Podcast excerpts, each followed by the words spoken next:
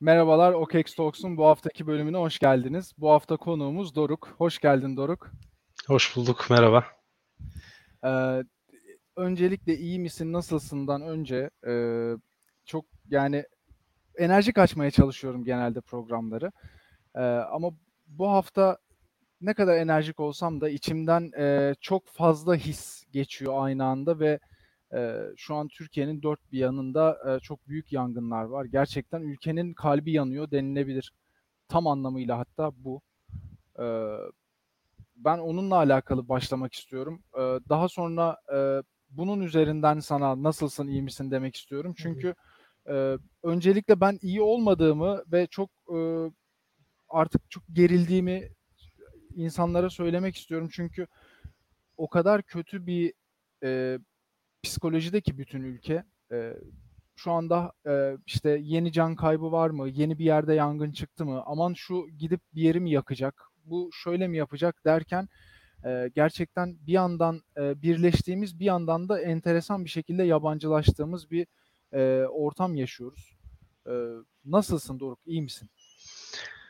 Valla ben de çok iyi değilim çünkü bir iki gün önce o taraftan geçtim Manavgat tarafından. Antalya'da yaşıyorum ben. Gerçekten hiç hoş değildi görüntü. Yani çok kaotik bir ortam vardı. Evet daha önce de yangınlar görmüştüm ama bu seferki bir başka gibiydi. Böyle film sahnesi gibi şey gibi. Bu taraf olsun Marmaris, Bodrum tarafları, diğer işte Mersin, Silifke.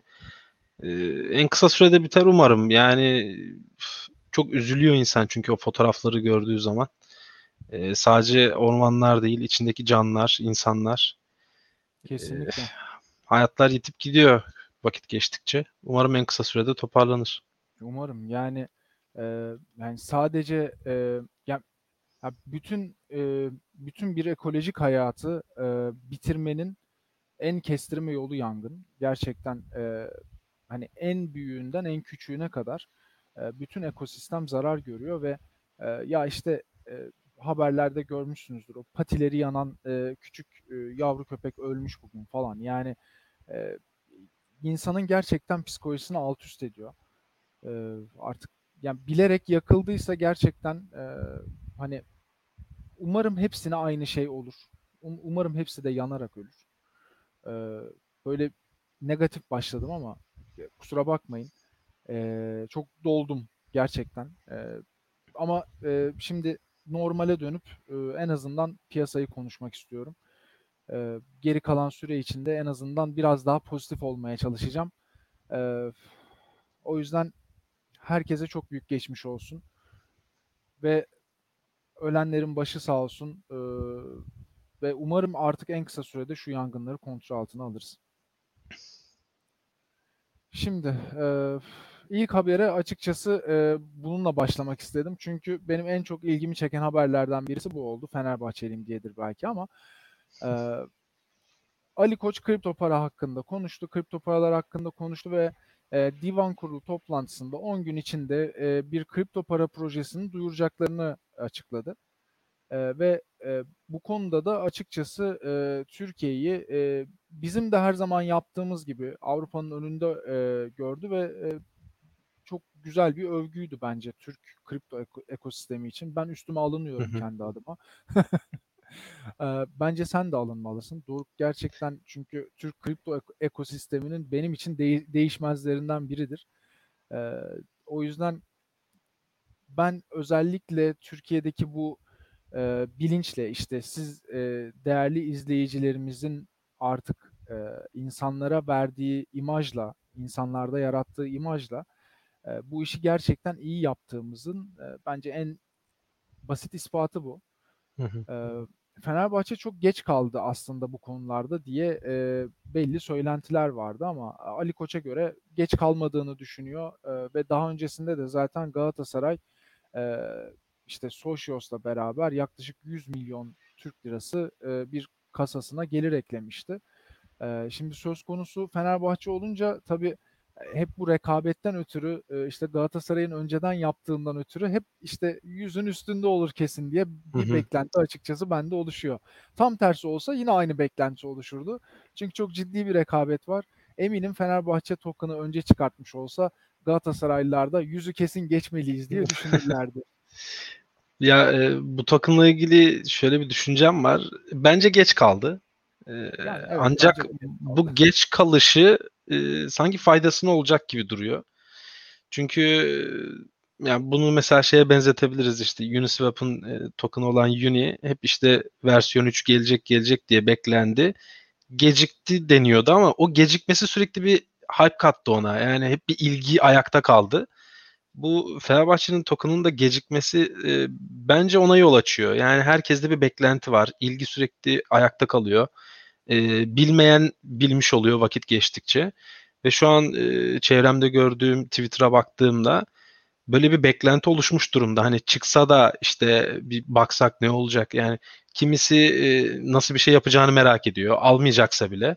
E, kimisi hemen çıksın alayım istiyor. Var çevremde yakın tanıdıklarımdan Fenerbahçeli olanlar. Hemen e, yani taraftar duygularıyla. E, bir yandan da yani bir yandan da e, gidişatını merak ediyorum. Yani genel olarak bu fan tokenların gidişatını merak ediyorum. Çünkü bu son şampiyonluk döneminde e, Galatasaray'ın token fiyat hareketlerini hatırlıyorum. Sürekli Ya bir gol atıldığı zaman artıyordu, gol yenilince düşüyordu falan. hani biraz e, e, bahis şeklinde de olabiliyor gibi.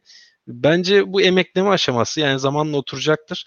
Özellikle önceden Aytunç abinin yaptığı yayınlarda da hep dile getirmiştik use case olarak kullanım gerçek hayatta kullanım alanı olarak.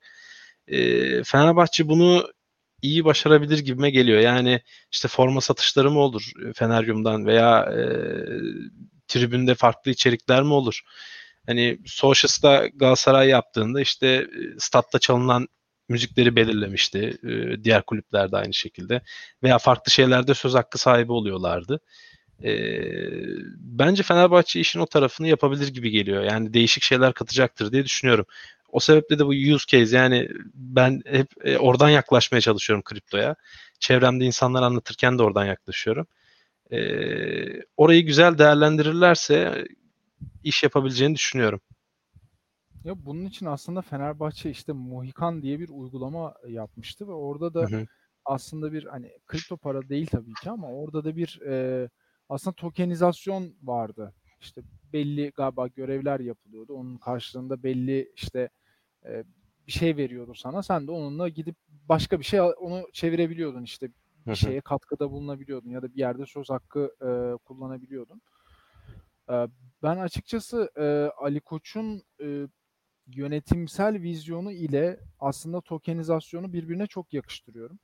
Çünkü Ali Koç'un yönetim tarzı aslında bu tarz bir şeye bence çok daha yatkın diğer kulüp Hı hı, hı başkanlarına hı. nazaran. Ya ben bilmiyorum belki de Fenerbahçeliyim ben şimdi benim dediğimi çok da kale almayın ama e, ben açıkçası daha çok yakıştırdım Fenerbahçe'ye bir e, tokenizasyon sürecini ve bunun kullanım amacını çok daha e, enteresan yerlere, enteresan boyutlara çıkarabileceğini Hı biliyorum. hı. Çünkü yani bunun sadece futbol boyutu yok. E, bunun basketbol boyutu var, işte voleybol boyutu var. E, işte en son maça gittiğimde çok e, gerçekten hani fazla sosyaldi ortalık. Öyle diyeyim.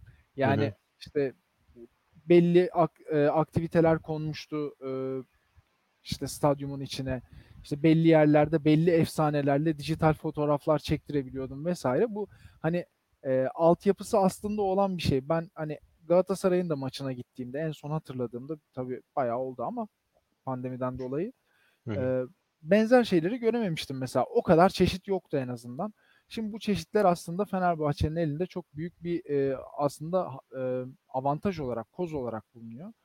E, bunun dışında tabii ki e, ben özellikle buradan bu bölümü e, bilerek ekranda tutmak istedim.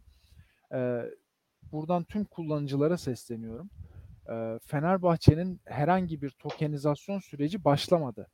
Şu anda size kim nereden ne diyorsa e, işte Fener Coin var şudur budur diye yalan söylüyor ve scammer. O yüzden lütfen dikkat edin. E, özellikle özellikle çok dikkat edin. Çünkü e, resmi internet sitesinden açıklanmayan bütün projeler sahtekarlıktır. O yüzden lütfen tetikte olun ve gidip insanlara para kaptırmayın. Çünkü bu tarz şeyler çok insanların başına geliyorlar. E, o yüzden dikkat ekstradan. Biri bunu size aldırıyorsa Galatasaraylıdır diyelim. Aynen öyle. Şimdi e, Almanya'dan güzel bir haber geldi aslında. E, ben sevdim, ben çok sevdim. Almanya'da kurumsal fonlar %20 oranında kripto para tuta, tutabilecekler artık. Ve e, tabii ki bu işte yalnızca emeklilik şirketleri ve sigorta şirketleri gibi kurumsal yatırımcıların erişebildiği fonlar şu anda 1.8 trilyon euro değerinde diye de ekstra burada burada bir bilgi var. E, bu çok büyük bir hacim. Yani hani inanılmaz büyük bir miktar. Evet. E, ve yani işte bu kadar yok şu anda kripto para. Tüm kripto para dünyası böyle bu kadar değil. Hı hı. Öyle düşünmek lazım bunu. Bu sadece Almanya'daki e, belli başlı fonlar. O yüzden şu anda %20 ile e, kısıtlanmak üzere Almanya'da artık fonlar e, Bitcoin'e, Ethereum'a, istedikleri kripto paralara yatırım yapabilecekler ve bunlar özel fonlar olarak geçiyor. İşte şu özel fonlar demek Almanca'da. Hı hı. E, inanılmaz bullish bir haber bana göre. Yarın öbür gün bir Alman firmasının e, tutup işte kardeşim biz Bitcoin aldık şu kadar fiyattan demesini bekliyorum. Muhtemelen önümüzdeki günlerde de bunun haberini vereceğim. Zaten bu tarz gelişmeler genelde e, o tarz şirketler bunu yapmaya hazır durumda oluyor. E, üzerine bu tarz çalışmalar geliyor ve kanunlar çıkarılıyor. Aynen e, bu emeklilik fonları zaten yani dünyada en büyük paya sahip Amerika'da var.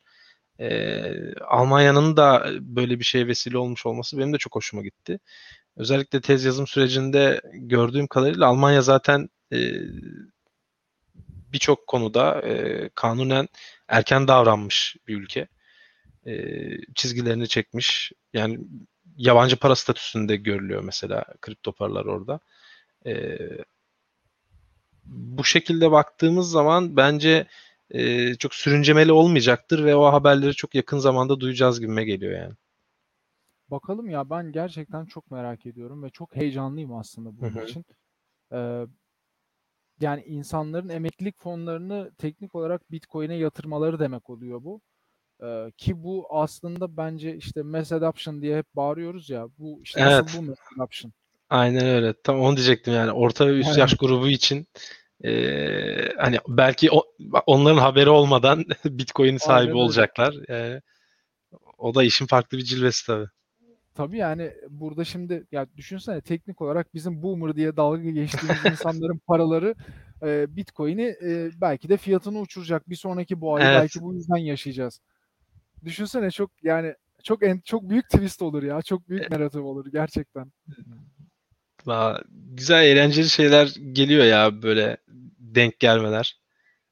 Hakikaten yani kaderin cilvesi. Keşke yani bizim ülkede de böyle şeyler olsa yani emeklilik fonları bu seviyelerde olsa e, ben eminim burada da böyle şeyler çıkar. E, çünkü duyduğum ve gördüğüm kadarıyla e, bu şekilde bünyesinde tutmak isteyenler var. Bizde zaten birazcık kazanç görülsün. Emekliler kendileri ister fon, yöneticilerinden. Bitcoin tutun, Aynen Ethereum öyle. tutun yavrum kazandırıyormuş diye. Aynen öyle. Ya ben, evet belki de ya bir, şöyle bir durum var aslında. Bilmiyorum sen de fark ettin mi? Ee, ben e, Türkiye'deki yani işte Amerika'da boomer denilen yaş kitlesini al, Türkiye'ye koy.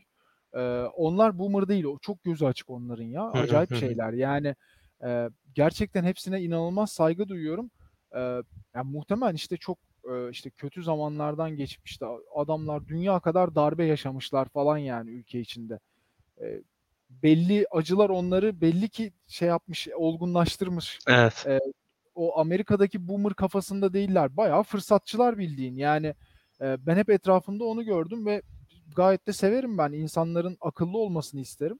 E, gayet de akıllı insanlar. Yani e, ben 50 yaşının 55 yaşının üstünde e, kişisel olarak belki de 100 kişiye yardımcı olmuşumdur. Onların işte kripto para satın almalarıyla ilgili olarak işte hani şuraya girin bunu yapın falan diye.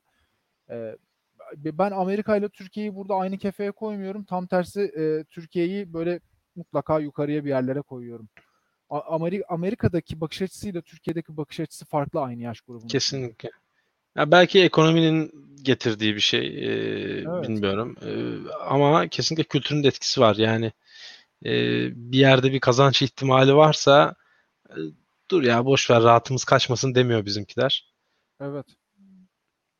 ve hevesliler de yani tebrik ediyorum buradan hepsini.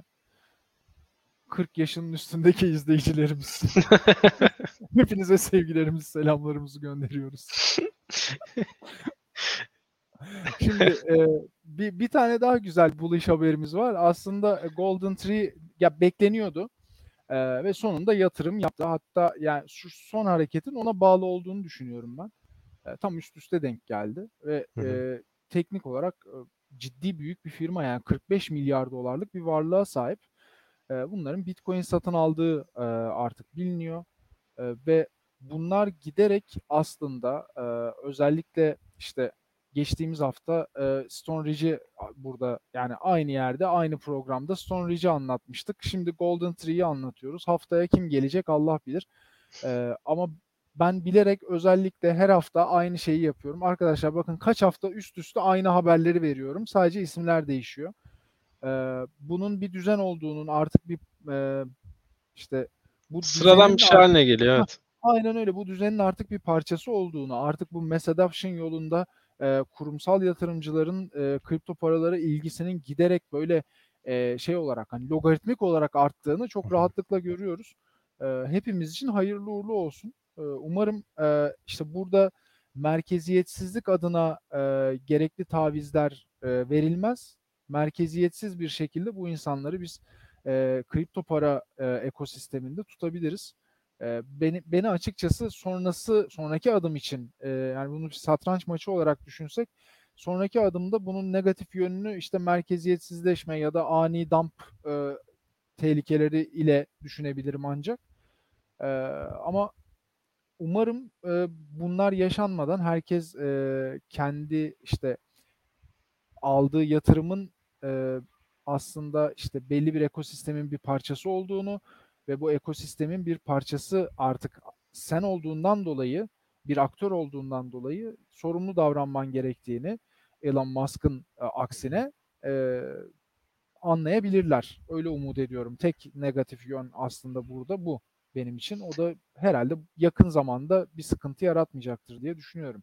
Evet, ya bence o Elon Musk'ın hareketleri de sonradan gelecek olan kurumsal firmalara birazcık e, fragman oldu denebilir. Yani e, işte biraz olsun kötü bir şey söylendiği zaman nasıl etki ettiğini. E, bence şunu da farkındalar ki e, işte iyi bir şeyler söylediğin zaman elindeki paranın değerini arttırabiliyorsun şu an. E, bence yakın e, süreçte çok da kötü şeyler açıklayacaklarını düşünmüyorum. Çünkü çok basit bir şey haline geldi yani şu an e, bir kurumsal firma gidiyor Bitcoin alıyor sonra Bitcoin aldık diye tweet atıyor ve elindeki Bitcoin'den para kazanıyor. Yani çok böyle money making bir durum oluşmuş durumda. E, bence de bu henüz öyle kolay geçecek bir hemen bitecek bir süreç değil. E, bence bunu yeni gelenler de görüp öyle geliyorlar. Bu ayrı bir teşvik oluyor kimisi geleceği düşünerek daha geniş açıdan bakarak e, bu yatırımları yapıyor. Bakalım ya ben bu sürecin öyle kısa süreli olacağını düşünmüyorum. Yani evet, evet, çünkü bekle şöyle bir beklenti var. İşte Golden Tree bir açıklama yapacak. Sonra mikro MicroStrateji bir şeyler söyleyecek. Hani beklenti biri satmaya başlarsa hepsi satar gibi bir yarışa girerler mi acaba gibi. Ee, biz de DeFi'de bazı tokenlar listelenirken bekleriz böyle başkalarından önce satalım diye. Evet. Ee, öyle bir çekince var görüyorum ama bunun kısa sürede olacağını çok düşünmüyorum. Ya aslına bakarsan e, ben burada mesela MicroStrateji dedin. E, Michael Saylor'ı bu tayfadan ayırıyorum. Yani Michael Saylor eğer bir satış dalgası olursa gerçekten o satış dalgasını durdurabilecek en büyük takozlardan bir tanesi aslında. Evet evet. Görüntü olarak yani, durun satmayın diyecek birisi gibi yani. Aynen öyle. Ben hayatımda bu kadar maksimalist çok yani gerçekten adam yine ben 3-4 programdır Michael Saylor'ın adını almıyordum galiba. Ee, buradan kendisine yine selamlarımı ve saygılarımı iletiyorum. Bizi izliyorsa. Bizi ya, muhtemelen izlemiyor ama olsun. Ben kalben onun yanındayım. Ee, çok yani e- ekosisteme çok büyük katkısı var o adamın. Gerçekten bence e, herkes çok e, küçümsüyor. İşte herkes bir ara e, Elon Musk'ı ilahlaştırdı ama benim Hı-hı. gözümde işte eğer Sato- Satoshi'yi tanımıyorsak e, şu an ilahlaştıracak illa birini bulman gerekiyorsa ya git Michael Saylor orada ya yani başka başka ikinci bir kişiye kişiye ihtiyacın yok yani al onu ilahlaştır madem ilahlaştır. Tabii biraz şeyi de bilmek gerekiyor tabii. Yani binlerce Bitcoin olduğu için mi bu kadar e, savaş veriyor acaba onu da bir düşünmüyor değilim. Yani, Yani hani o, o soruya tam cevap veremiyoruz sanırım. Şimdi öyle deme. Bu adam e, piyasa dumplanırken kendisi de dumplayabilirdi ve ciddi kârda Hı hı. yani. Ben bildiğim kadarıyla 24 bin dolar falan Evet o ortalaması. civarda. Yani e, benim elimde şu anda 24 bin dolardan aldığım Bitcoin olsaydı dumplamıştım. Hani öyle düşün. Evet. O yüzden e, şimdi bu, bu, bu tarz adamlar böyle gerçekten az bulunuyor ya. Yani ben diyorum ya ben satardım ya. Hani helal olsun o yüzden. O- Diğer e, habere geçiyorum. Dev petrol şirketi Bitcoin madenciliğine başlayabilir denmiş. Saudi Aramco e, biliyorsunuzdur dünyadaki en büyük üçüncü şirket aslında E, ve bir e, Brezilyalı ile e, röportaj yaparken bu arkadaş e, Bitcoin madenciliğiyle uğraşıyor. E, kendisine bu e, şirketin geldiğini ve işte bir e, danışma aldığını ve bu danışma e, çerçevesinde işte kendi çıkarttıkları petrolün yan ürünü olan bir gaz ile e, Bitcoin'in bütün ağının yarısına güç sağlayabileceğini iddia etmiş ve bunun üzerine bir e, röportaj vermiş ve bu konuda yardımcı olduğunu söylemiş. E, yani tabii böyle bir durum yani şöyle diyeyim çok buluş gibi görünüyor ama ben istemem mesela. Hı hı. Yani ben ben bir ben bir- bir şirketin hele ki işte dünyadaki en büyük üçüncü şirket de- den- denilen bir şirketin e, Bitcoin ağı- ağının yarısına güç vermesini istemiyorum. Tüm tüm gönlümle söylüyorum bunu. Hı. Yani gitsin başka bir şey yapsın bilmiyorum. Hani yani bu kadar basit başka bir şey yapsın. Ama yarısına vermesin. Yüzde onuna versin. Kabul. Eyvallah.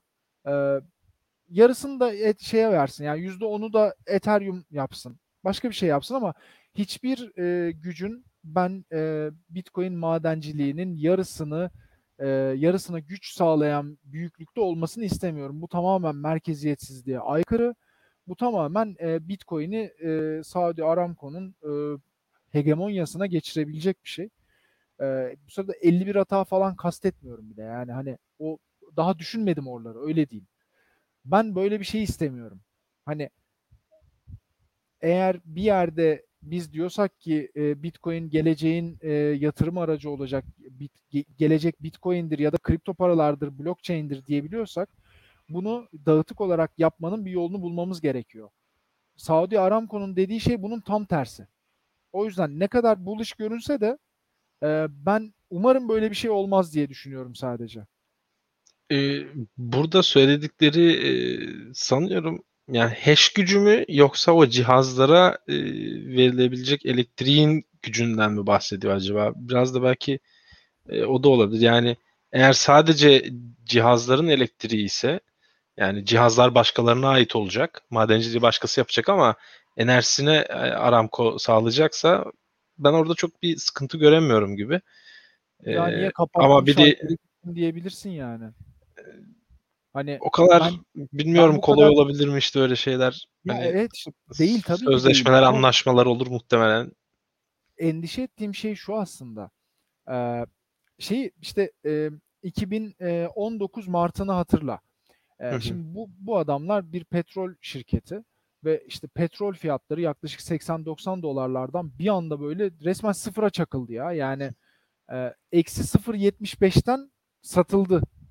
Gerçekten eksi 0.75 ya. Yani e şimdi böyle bir ortamda bu adamlar böyle bir e, ellerinde güç varken bunu mutlaka bir şekilde monetize ederler diye düşünüyorum. Sadece işte biz gücünü verdik hadi oley artık işte biz size güç veriyoruz gibi olacağını düşünmüyorum. Çünkü bu adamlar çok büyük adamlar ve beni korkutuyorlar. Öyle diyeyim. Bana şey garip gelmişti habere baktığımda. Ee, hani bugüne kadar e, işte bu hani petrol çıkarımı esnasında bir gaz açığa çıkıyormuş. Onu da sanırım e, belirli e, regülasyonlar gereği herhalde öyle salamıyor ve yakması gerekiyor. Yok, yok etmesi gerekiyor, imha etmesi gerekiyor diye. E, bunu bugüne kadar kullanmıyor olmaları bana garip geldi. Hani e, bugüne kadar yakıyorlarmış, boşa gidiyormuş ve bir anda böyle aa dur biz bununla Bitcoin işine girelim şeyi ilginç geldi yani nasıl düşünmemişler başka bir şey de yapmayı. Hani bu bütün ağın yarısı kadar bir güçse aslında gerçekten anlamlı bir güç e, boşa mi? gidiyormuş demek ki. İlginç yani bakalım buradan nasıl bir şey çıkacak merak ediyorum. Evet evet ben bunun sonuna ee, hani, kadar arkasındayım ya bakalım ne çıkacak yani gerçekten. Bunun başka bir teşvik şeyi şu olabilir. Belki başlangıçta onlar yarısına sahip olabilir ama başka bir enerji e, ata nasıl diyeyim yarışması şirketler arasında böyle bir şey başlarsa %50 ile başlayabilir ama belki başkaları da geldikçe o daha da düşer.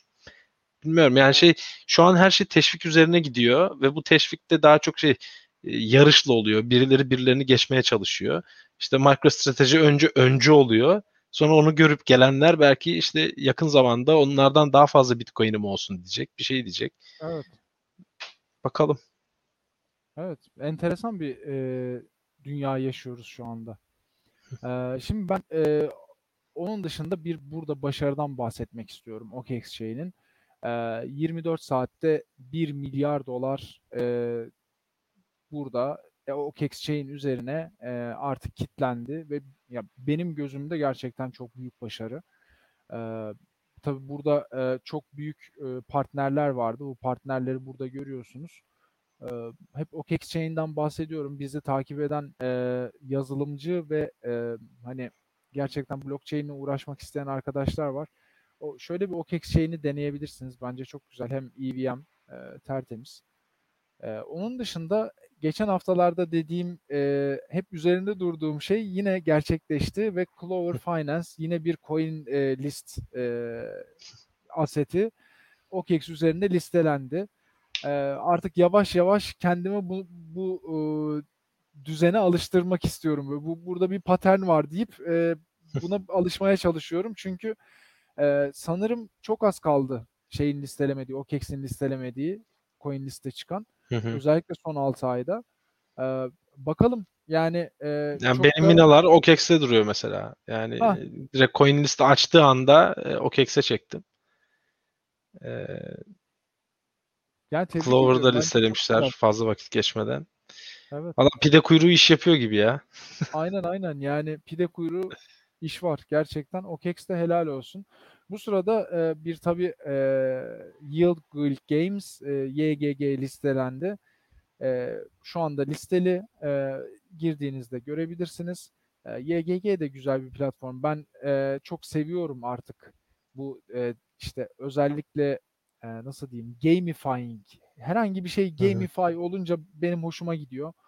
E, çünkü bu bence internetin ruhuna uygun bir olay. E, hele e, blockchain'in ruhuna bence çok uygun bir olay. O yüzden e, bu tarz projeleri yakından takip ediyorum. Beni yak- yakından takip edenler zaten biliyorlardır. Bunlarla da çalışıyorum, ediyorum. E, elimden geldiğince yakın kalmaya çalışıyorum aslında bu projelere. E, şimdi e, aslında yaklaşık yarım saatlik bölüm olmuş. Nasıl geçti inan farkında değilim. E, ben en son Doruk'a artık e, şunu sormak istiyorum. Şimdi Doruk e, çok tanıyorum ben yakın arkadaşım benim Doruk. Ee, hani kapitalde tanışıyoruz işte uzun zamandır görüşüyoruz ediyoruz ama Doruk benim tanıdığım en mütevazı insanlardan biri. Şimdi önce onunla başlayayım. Ee, şu aramızda şöyle bir sohbet oldu.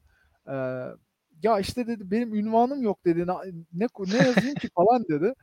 Ee, işte yayına çıkmadan önce ya dedim Allah aşkına senin bir milyon tane şeyin var, ünvanın var dedim. Birini kullan işte dedim.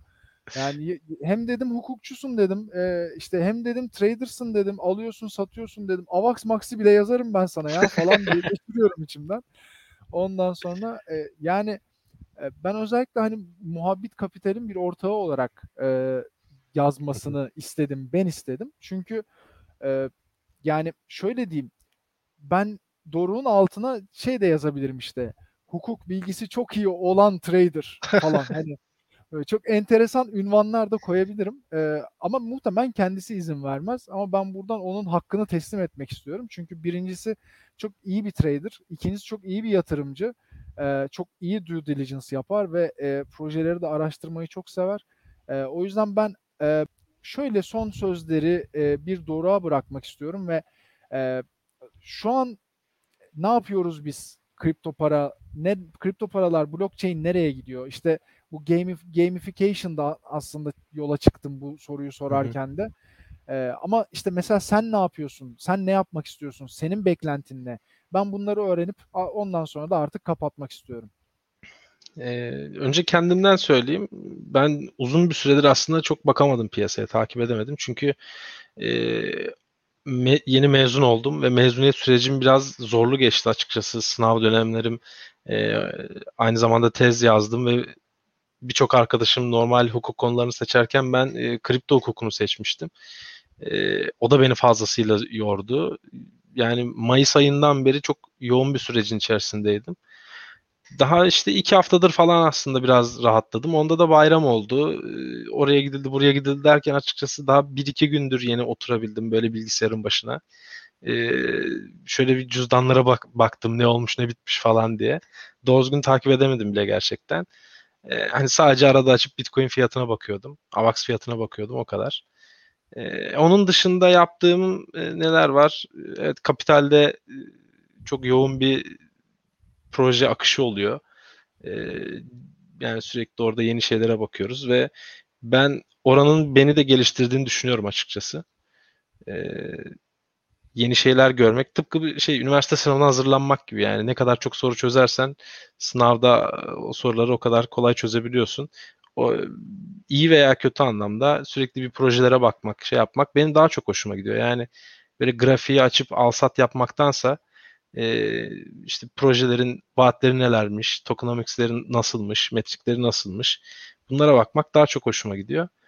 E, piyasanın genel gidişi olarak da e, ya bilmiyorum böyle e, içime sinmedi bu düşüş pek e, şey gelmedi bana. E, nasıl diyeyim bilmiyorum yani hissiyatım yukarı yönlü olacağı yönünde. Hani çok teknik bir şey söylemek istemiyorum. E, o biraz şey olur. E, işleme yönlendirecek fikir verebilir. O yüzden o çok, topa çok girmek istemiyorum ama yani gördüğüm en azından e, bu dönem böyle NFT'lerde hareketler görüyorum. Tekrardan böyle alış satışlar hızlanmaya başlamış gibi.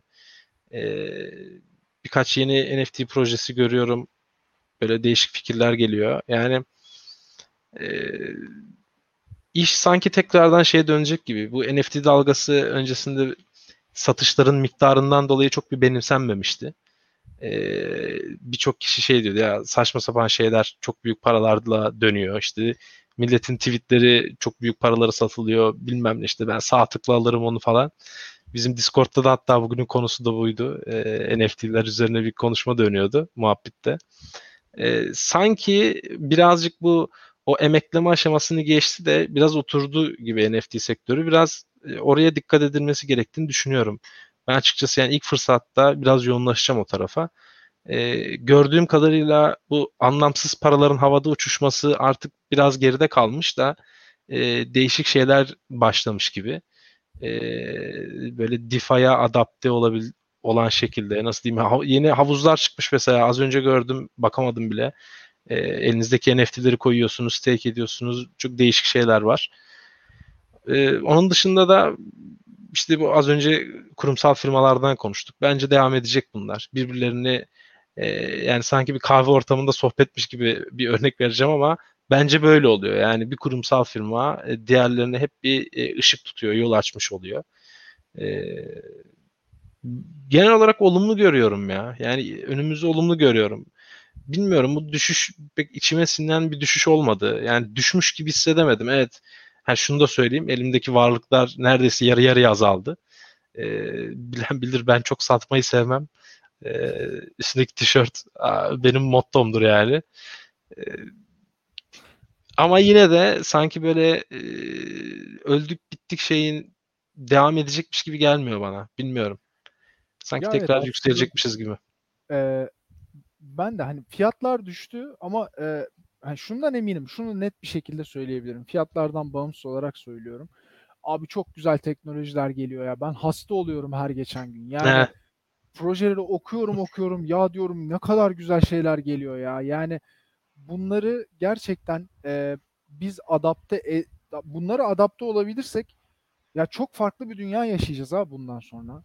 Yani inanamıyorum ya gerçekten. Böyle o kadar hype'lanıyorum ya adamların projelerini gördükçe.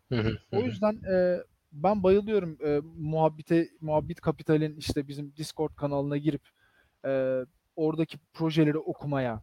E, çünkü genellikle de zaten böyle çok enteresan projelerle e, ilerlemeye çalışıyoruz. Yani çok böyle tipik bir proje yok mesela. Hı hı. Düz, düz DeFi platformu falan. Yok öyle bir şey. Yani hepsinin bir bir olayı var ve o olay e, ekosisteme bir şey katıyor. Fiyattan bağımsız olarak söylüyorum bunları. Bir Kesinlikle. sonraki ya bir sonraki boğa sezonu ne zaman olur? Örnek veriyorum. 2022 başında olur ya da 2024 sonunda olur. Hiç fark etmez. Şunu çok iyi biliyorum. Belli projeler o işte benim şu an aklımı oynatan böyle burada beni heyecanlandıran projeler o zaman her ne zamansa çok güzel para getirecekler. Ondan eminim. Bunu çok rahatlıkla söyleyebilirim. O yüzden e, ben piyasanın e, Aytunç bir tweet atmıştı galiba ya dündü ya ondan önceki gündü. İşte belli bir bakış açısından bakarsan 12 yıldır Bitcoin boğada. Bu Evet. kadar basit. Yani işte permabul diyorlar ya aslında bu Hı hı, olay o hı olay. Ee, gerçekten ben Bitcoin nezdinde söylemiyorum ama blockchain konusunda çok bullish'im. Yani inanılmaz bullish'im. Ee, artık önümüzdeki zamanlarda göreceğiz. Bakalım. Ee, şöyle bir tavsiyede bulunmak istiyorum izleyenlere. Ee, önceki bazı yaptığım şeylerde de hep bunu vurgulamaya çalıştım ben. Ee, kripto para sohbetleri çok dönüyor. Çevremde de çok dönüyor. Görüyorum. Nereye gitsem, kuzenlerimin yanına, arkadaşlarıma. Ee, ama gördüğüm kadarıyla hep bu sohbet işte şunu aldım, şu kadar fiyata çıktı, şöyle oldu, böyle oldu şeklinde oluyor. Ee, size tavsiyem hem bu sohbetler ettiğiniz kişiler hem Twitter'da takip ettiğiniz kişiler e, size bir şey katacak şekilde olmalı.